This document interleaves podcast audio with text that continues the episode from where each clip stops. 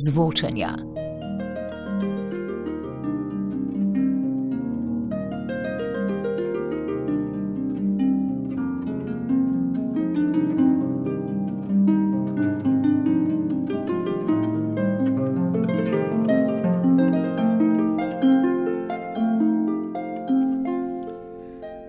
Glasba velja za medkulturni fenomen, torej predstavlja temelj oziroma jedro vsake kulture. Glasba ima na veliko večino ljudi zelo močan vpliv, tudi če sami sebe ne prepoznajo kot preveč glasbene osebe. Ljudem glasba največkrat zbuja ugodje, a moč glasbe je veliko večja kot le to. Pogosto ima moč spodbuditi in regulirati čustva ter vpliva na kognicijo oziroma na zaznavne sposobnosti. Ravno razumevanje omenjenih vplivov glasbe na človeka v zadnjih desetletjih vse bolj zanima tudi neuroznanstvenike. Vse več izsledkov raziskav kaže, da lahko različne glasbene intervence pripomorejo k zdravljenju najrazličnejših zdravstvenih težav, kot so Alzheimerjeva bolezen, Parkinsonova bolezen, motnje odvisnosti od prepovedanih substanc in podobno. Prav tako mnogi izsledki študij kažejo, da lahko glasba spodbuja zdrav človeški razvoj skozi celotno življenjsko obdobje. V oddaji BR zvočenja, ki sta jo pripravili Ana Kuder in Manca Kok, članici organizacijske skupine Tedna možganov, ki deluje pod okriljem Synapse, Slovenskega društva za nevroznanost, bo naša tema procesiranje glasbe v možganjih.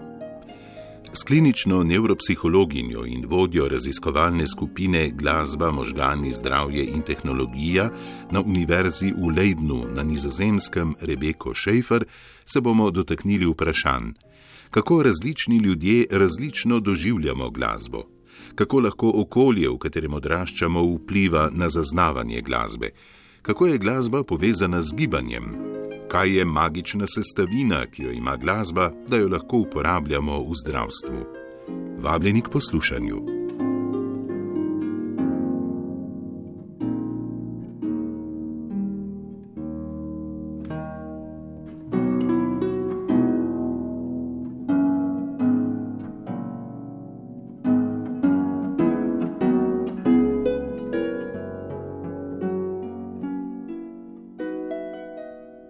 Profesorica Rebeka Šejfer se v zadnjem letu veliko posveča uporabi glasbene tehnologije v zdravstvu, pa tudi konkretno vprašanju, kako lahko glasba pomaga izboljšati delovanje spomina pri blagi kognitivni motni in Alzheimerjevi bolezni.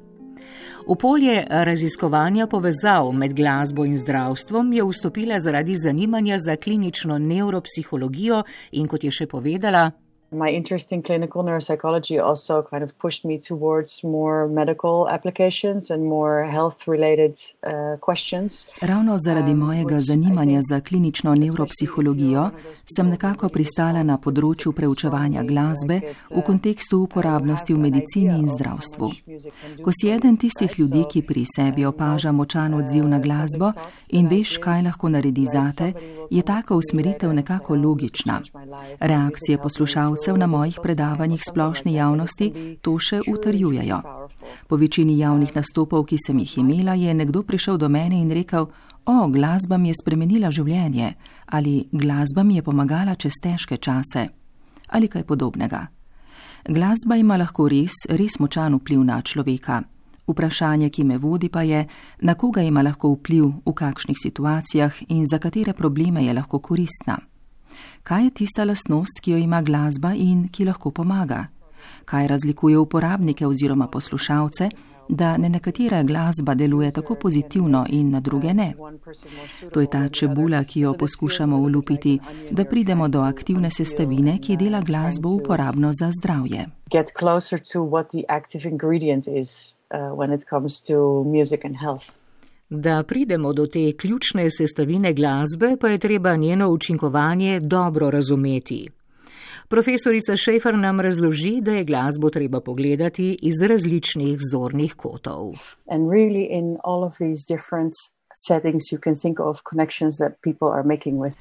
V različnih situacijah nastajajo različne povezave človeka z glasbo. Doživljanje glasbe se začne z osnovnimi gradniki poslušanja, torej zaznamo višino tona, slišimo ritmične vzorce in jih razumemo, razumemo glasbeno celoto in ji pripišemo pomen.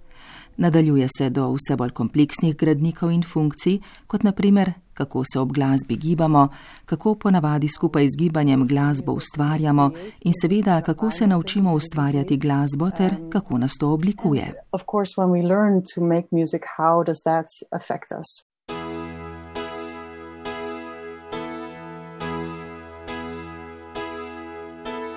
Vivo per lei da quando sai La prima volta l'ho incontrata, non mi ricordo come, ma è entrata dentro e c'era stata. Vivo per lei perché mi fa vibrare forte l'anima. Vivo per lei e Poslušamo skladbo Vivo per lei v izvedbi Andreja Bočelija in Đorđe. Vas zanima, kaj vse se ob tem dogaja v naših možganih? Hanno bisogno sempre acceso, come uno stereo in camera, di chi è da solo e adesso sa che anche per lui, per questo io vivo. If we consider sort of the, the, the, the first part of, of what happens when we hear music, namely auditory perception and the sound. Ko zaznamo nek zvok, se najprej aktivirajo deli možganov na področju možganskega debla in jeder talamusa, prav tako pa primarna auditorna skorja in temporalna skorja v senčnem režnju. To so strukture, ki so v veliki meri odgovorne za zaznavanje različnih zvočnih držljajev, a tu se procesiranje še ne ustavi. Človeški možgani skušajo strukturirati glasbene informacije, za kar so odgovorni drugi možganski predeli. Glasba lahko aktivira možganske predele odgovorne za delovni spomin, ko naprimer svojo pozornost aktivno namenimo glasbenim držljajem in ugotovimo, da smo nek vzorec pesmi že slišali. Ko nas glasba spomni na določeno obdobje v življenju ali pa na določeno osebo. Poleg vsega tega pa so pri procesiranju glasbe pomembni nekateri vidiki gibanja ob glasbi. Ob glasbi se lahko le malo premikamo, naprimer ploskamo ali tleskamo, ali pa v skladu z glasbo oblikujemo bolj zapletene gibe, kot naprimer pri plesu, kar spet vključuje različne skupine možganskih področji. Na koncu se vsa ta zapletena skupina funkcij poveže še s čustvi in nagrajevalnim sistemom. Prav vpliv glasbe na čustva in nagrajevanja je morda najpomembnejši. Pomembno je torej spoznanje, da se procesiranje glasbe ne odvija samo na določenem področju možganov. Zaznavanje glasbe se povezuje z ostalimi funkcijami, kot so jezik, spomin, čustva in gibanje, torej so tudi področja možganov, odgovorna za omenjene funkcije, na nek način povezana z doživljanjem glasbe. Moj kolega iz Združenih držav Amerike je nekoč rekel, da glasba aktivira vse predele od vratu na vzgor.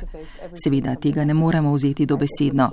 Naprimer pri delu v trgovini, kjer glasbo poslušamo le v ozadju, ni tako. Pomembno pa je razumeti, da ima glasba sposobnost aktivirati celo vrsto možganskih področji, kar je gotovo zanimivo tudi za njeno uporabo v zdravstvu.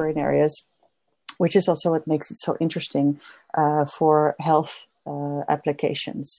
Zdi se, kot da gre pri glasbi za neke vrste kupiš eno, dobiš pet. Ko pa gre za raziskovanje glasbe in njene uporabnosti v zdravstvu, se je treba pogosto omejiti na dejavnike, ki jih lahko nadziramo. Right, so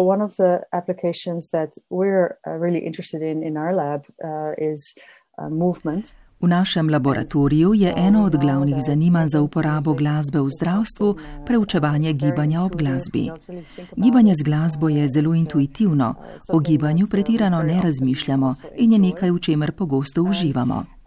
Eden od razlogov, zakaj se nam zdi, da sta gibanje in glasba tako tesno povezana, je tudi odkritje, da prihaja do prekrivanja aktivacije določenih možganskih področji, medtem ko poslušamo glasbo in ko se gibamo. To prekrivanje v možganih je hkrati eden od argumentov za uporabo različnih načinov gibalne rehabilitacije. Ideja v ozadju je, da zmore glasba spodbuditi gibanje. To si želimo doseči, a mehanizmov v ozadju trenutno natančno še ne poznamo. Da bi preučili omenjene mehanizme, v laboratoriju profesorice dr. Rebeke Šejfar izvajajo različne raziskave. V eni izmed teh so spremljali možgansko aktivnost udeležencev raziskave, medtem ko so poslušali različne ritmične vzorce. Pri preučevanju učinkovitosti različnih gibalnih intervenc je zelo pomembno tudi, kakšna je ta glasba. Pomembno je torej vprašanje, kako različne značilnosti glasbe in ritma vplivajo na ljudi. Pri tem ni pomembna le možganska aktivnost, ampak tudi subjektivna ocena, ki jo udeleženci podajo o tem, koliko so jim neki glasbeni vzorci všeč in koliko jih spodbudijo k gibanju. Uh, two aspects of rhythm that uh, that you can uh, yeah, manipulate V eni izmed raziskav nas je zanimal vpliv dveh vidikov ritma, ki jih precej z lahkoto spreminjamo in nadzorujemo.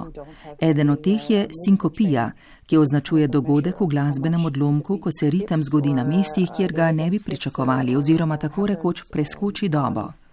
Večji delež sinkopije v določenem glasbenem odlomku se povezuje z nižjo predvidljivostjo ritma, torej se je ritmu težje pridružiti oziroma ga ustvariti. Drugi vidik ritma pa so ponovitve, ki so zelo pomemben element v glasbi. Ponovitve so zanimiv element, saj jih lahko v tej obliki prenesemo izredno veliko. Govora s toliko ponovitvami sploh ne bi zmogli poslušati. V tem eksperimentu nas je zanimala jasnost ritma, všečnost ritmičnega odlomka in in zmožnost ritmičnega odlomka, da spodbudi udeležence k gibanju. Preučevali smo torej razlike v zaznavanju, ko smo udeležencem predstavili glasbeni vzorec z minimalno sinkopijo, ki se sliši takole. Uh,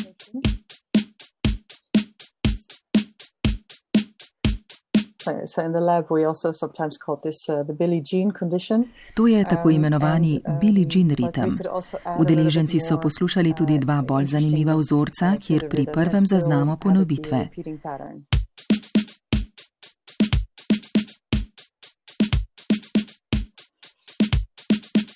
Um, pri drugem pa ponovitev ne zaznamo.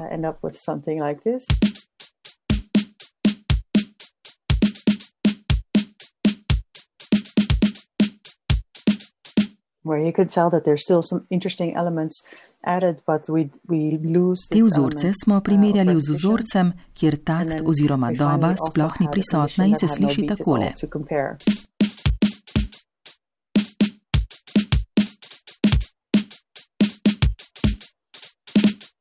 So what we found, interestingly, uh, is that if we have our minimal syncopation or Billie Jean condition, then we have the repeating. Udeležence smo vprašali za mnenje o slišanih vzorcih. Zanimivo je, da se preprost glasbeni vzorec z minimalno sinkopijo in drugi glasbeni vzorec, torej vzorec s ponavljajočo se sinkopijo, razlikujeta le po zaznani jasnosti ritma, ne pa potem, koliko gibanja spodbudite v udeležencih, niti ne po všečnosti. Pri tretjem ritmičnem odlomku, kjer se sinkopija ne ponavlja, se vse tri ocene, torej jasnost ritma, všečnost in spodbuda k gibanju, znižajo. Najnižje pa so v primeru zadnjega ritmičnega odlomka, kjer doba sploh ni prisotna. Najbolj všeč nam je torej glasba, ki vsebuje vsaj sinkopijo ali vsaj ponavljanje, vendar to niti ni najbolj zanimiv izsledek raziskave, kot razloži profesorica Šejfer. Uh, what is especially noticeable Um, Kar je najbolj uh, zanimivo, je v resnici to, da se pri poslušanju ocene udeležencev o tem, koliko jih nek glasbeni vzorec spodbudi k gibanju in koliko jim je bil ta vzorec všeč, praktično ne razlikujejo. Ta podobnost kaže, da nas glasba, ki nam je bolj všeč, tudi bolj spodbuja k gibanju. Um, Se pravi, da je pri glasbenih intervencah za gibanje zelo pomembno, da nam je glasba všeč. Ampak to pa je najbrž odvisno, poleg sinkopije in ponavljanj, od cele vrste značilnosti posameznika. Med drugim tudi od naših preteklih izkušenj z glasbo. Know that your auditory surroundings actually affect how you learn to listen. Naše širše slušno okolje dejansko vpliva na to, kako se naučimo poslušati.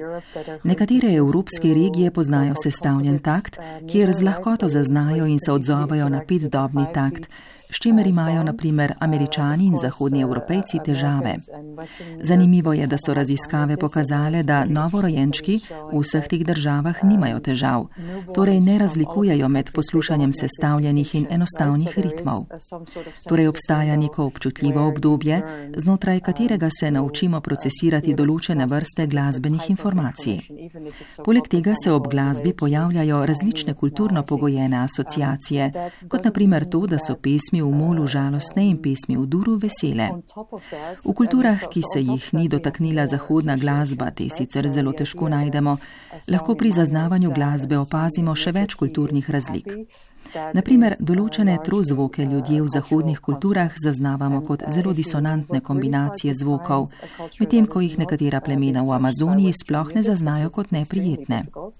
Ti podatki niso v skladu s prepričanjem, da lahko zaznavanje glasbe pojasnimo samo s fiziko in da je vse skupaj le način medsebojne interakcije različnih zvočnih valov. Izsledki raziskav kažejo, da je zaznavanje glasbe v veliki meri odvisno od izkušenj oziroma od tako imenovanega statističnega učenja, ki ga lahko opišemo kot učenje s prilagajanjem neposrednemu zvočnemu okolju. Prav tako je zaznavanje glasbe odvisno od učinkovitosti učenja povezovanja čustev in drugih asociacij z glasbo, torej od pripisovanja pomena glasbi.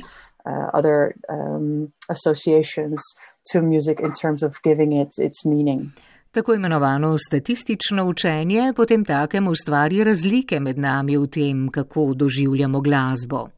Izkušnje torej ne ustvarijo le razlik v tem, na kateri dogodek ali doživljaj nas spominja pesem, ampak ustvarjajo razlike na vseh nivojih, ki jih je profesorica Šefer omenila na začetku.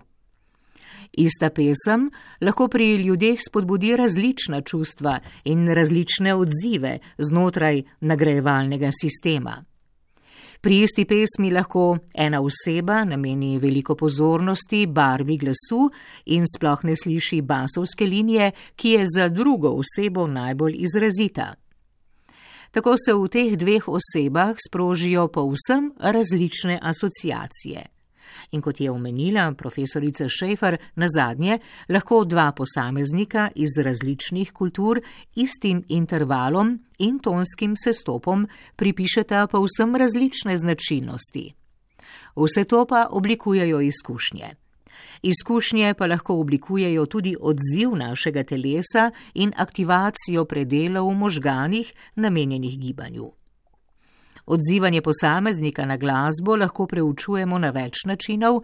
Profesorica Šefer nam bo predstavila enega od načinov in ponazorila uporabnost tega znanja v resnični življenjski situaciji. Uh, we've done a lot of work on um, imagined music and um, uh, find that actually it does. Um, V našem laboratoriju smo veliko delali s tako imenovano namišljeno glasbo, torej glasbo, ki je ne slišimo ali igramo, ampak si jo le zamislimo. Ugotovitve kažejo, da tudi namišljena glasba dejansko aktivira možgane na zelo podoben način kot glasba, ki jo zaznamo iz zunanjega okolja. Namišljene glasbe seveda ne moremo enačiti z improvizacijo ali z glasbo, ki se spontano pojavi v naših mislih. Tista sicer teži za preučevanje. V eni izmed naših raziskav so udeleženci prejeli navodila, da se gibajo med tem, ko ali poslušajo glasbo, ali si aktivno predstavljajo neko pesem v mislih, ali pa nič od tega, torej se le gibajo v tišini, brez da si predstavljajo glasbo. Vzorec možganske aktivnosti, ki smo ga zaznali ob namišljeni glasbi, se je nekoliko razlikoval od aktivnosti ob dejanskem poslušanju glasbe. Mislim, da lahko to razložimo s premikom pozornosti, saj v primeru gibanja ob dejanskem poslušanju glasbe pozornost namenjamo drugačni skupini držljajev v primerjavi z gibanjem ob namišljeni glasbi. Zanimivo je, da pri ogledu možganske aktivnosti pridobljene s pomočjo elektroencefalografije EEG opazimo veliko močnejši signal na gibalnih področjih v primeru, ko se udeleženci gibajo ob namišljeni glasbi, kot takrat, ko se gibajo le v tišini, čeprav dejansko v nobenem od omenjenih primerov ne slišijo ničesar. Rezultati te raziskave obravnavajo tudi nekaj naših glavnih raziskovalnih interesov. Rezultati torej podpirajo idejo, da glasba lahko pripomore k gibalni rehabilitaciji, čeprav se glasba tako rekoč predvaja le v glavah posameznikov. To znanje torej lahko izkoristimo, kar se kaže naprimer pri osebah s Parkinsonovo boleznijo, ki si pri hoji pomagajo z ritmom. Konkretno mi je oseba s Parkinsonovo boleznijo nekoč povedala, da si pri hoji v trgovino pomaga s koračnico. Velika večina našega dela v resnici temelji na takšnih primerih.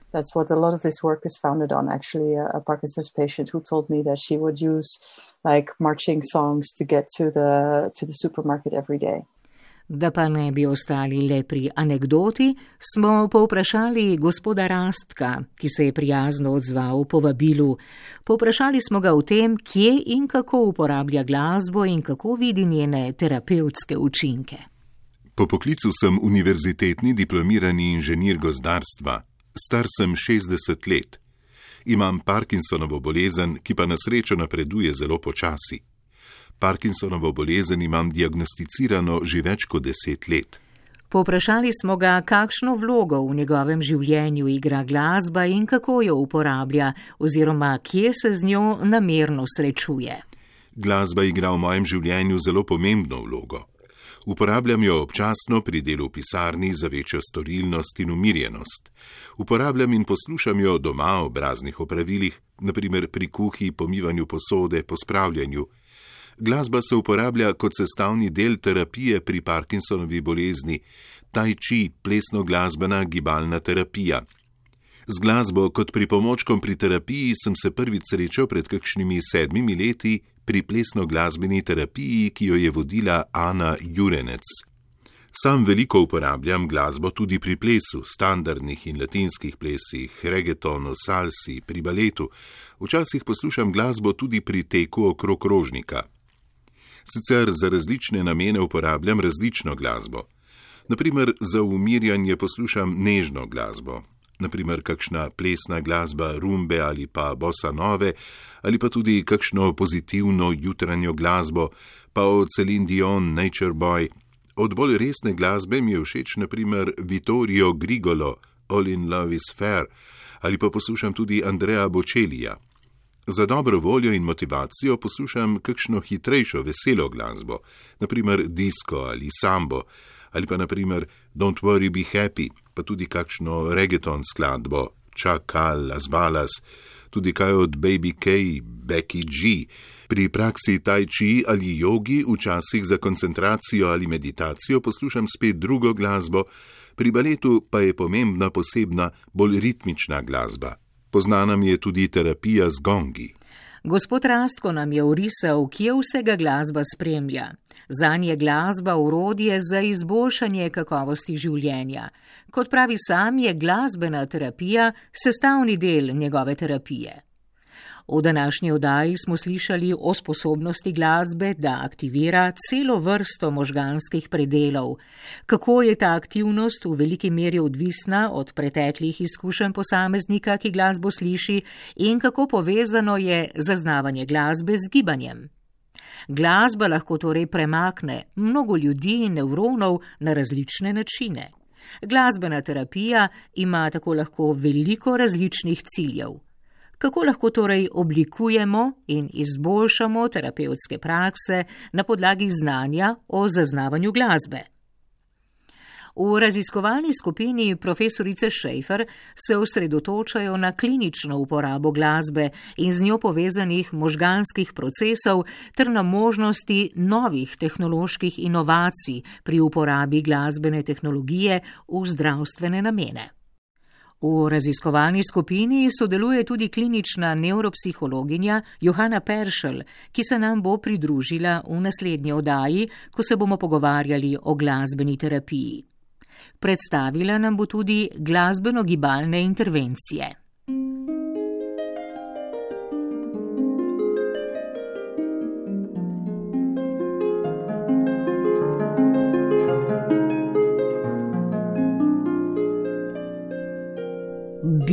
ter zvočenja.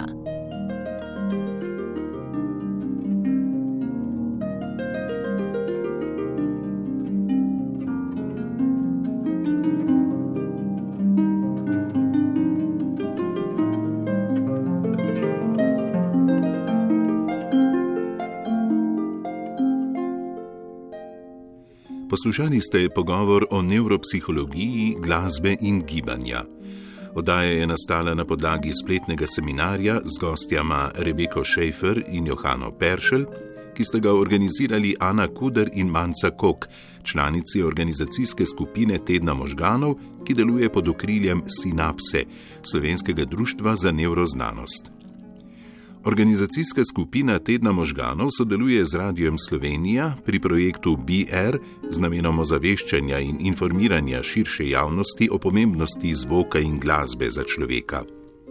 Z različnimi predavanji, okroglimi mizami, intervjuji in podobnimi dogodki želimo na poljudno znanstveni način predstaviti neuroznanstveno ozadje zaznavanja zvoka in glasbe v najširšem smislu in nevroznanstveni pogled povezati tudi z drugimi znanstvenimi disciplinami. Zvočno sta oddajo oblikovala Janez Hlin in Vojko Frelih. Brali smo Barbara Zupan, Lidija Hartmann in Ivan Lotrič, urednici oddaje sta Saška Rakev in Tina Ogrin. Ob 12. pa vas vabimo k poslušanju nove epizode Frekvence X na valu 202, ko bomo na primerih vojnega obleganja Sarajeva in potresa v Zagrebu raziskovali zvočne travme. V arhivu na radio 1.si in podkastu Možgani na dlani pa je že na voljo tudi četrta epizoda jesenskega cikla Možganov na dlani v omrežjih zvoka, v kateri lahko izveste več o fenomenu binarnih tonov, ki naj bi na možgane vplivali kot meditacija ter zvoku in stresu.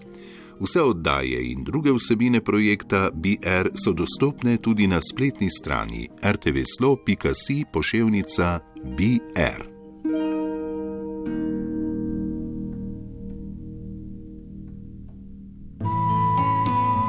Vsebine iz projekta BR sofinancira ustvarjalna Evropa.